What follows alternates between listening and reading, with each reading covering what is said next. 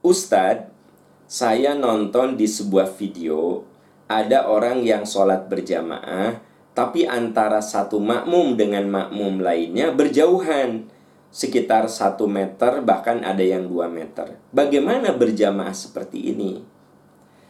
Ya, bagaimana berjamaah orang yang berjauhan seperti itu? Dan tentu saja itu disengaja, ya karena disarankan jarak antara kita dan orang lain itu paling tidak satu meter. Bahkan ada yang menganjurkan dua meter. Supaya sekiranya orang itu bersin, sekiranya orang itu batuk, maka cipratan air liurnya tidak kena sama kita. Maka bikin jarak, ya kan gitu.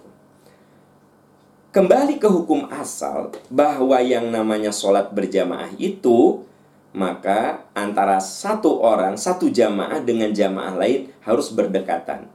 Makanya ada anjuran sawu sufufakum fa inna taswiyatis sufuf min tamamis sholah.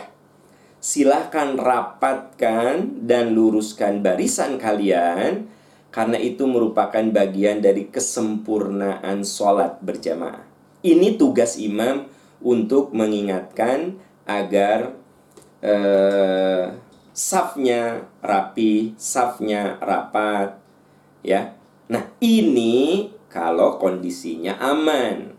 Kembali ke hukum dasar yang sudah tadi saya kemukakan bahwa apabila ada satu situasi kedaruratan, maka sesuatu yang tadinya dianjurkan bisa saja tidak kita lakukan. Tidak apa-apa kalau sekiranya di satu masjid ya safnya berjauhan. Satu jamaah ke jamaah lain berjauhan. Coba. Kenapa itu dilakukan? Syaddud dzari'ah. Syaddud dzari'ah itu mencegah kemadorotan. Kalau memang itu untuk mencegah kemadorotan, tentu saja tidak ada masalah. Apakah berjamaahnya sah? Tentu saja sah. Apakah mendapatkan pahala berjamaah? Ya tentu saja mendapatkan pahala berjamaah. Karena walau bagaimanapun sholat berjamaah itu pahalanya 25 sampai 27 derajat lebih bagus. Nah, tapi karena situasi seperti sekarang ini, maka posisi antar makmum itu berjauhan.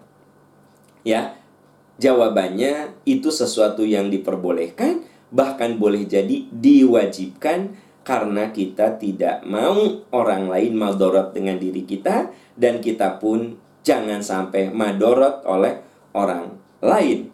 Wala tulqu bi aidikum ila tahluka.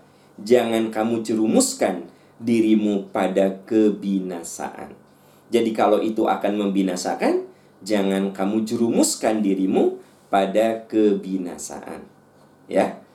Wallahu a'lam bissawab. 我杀了。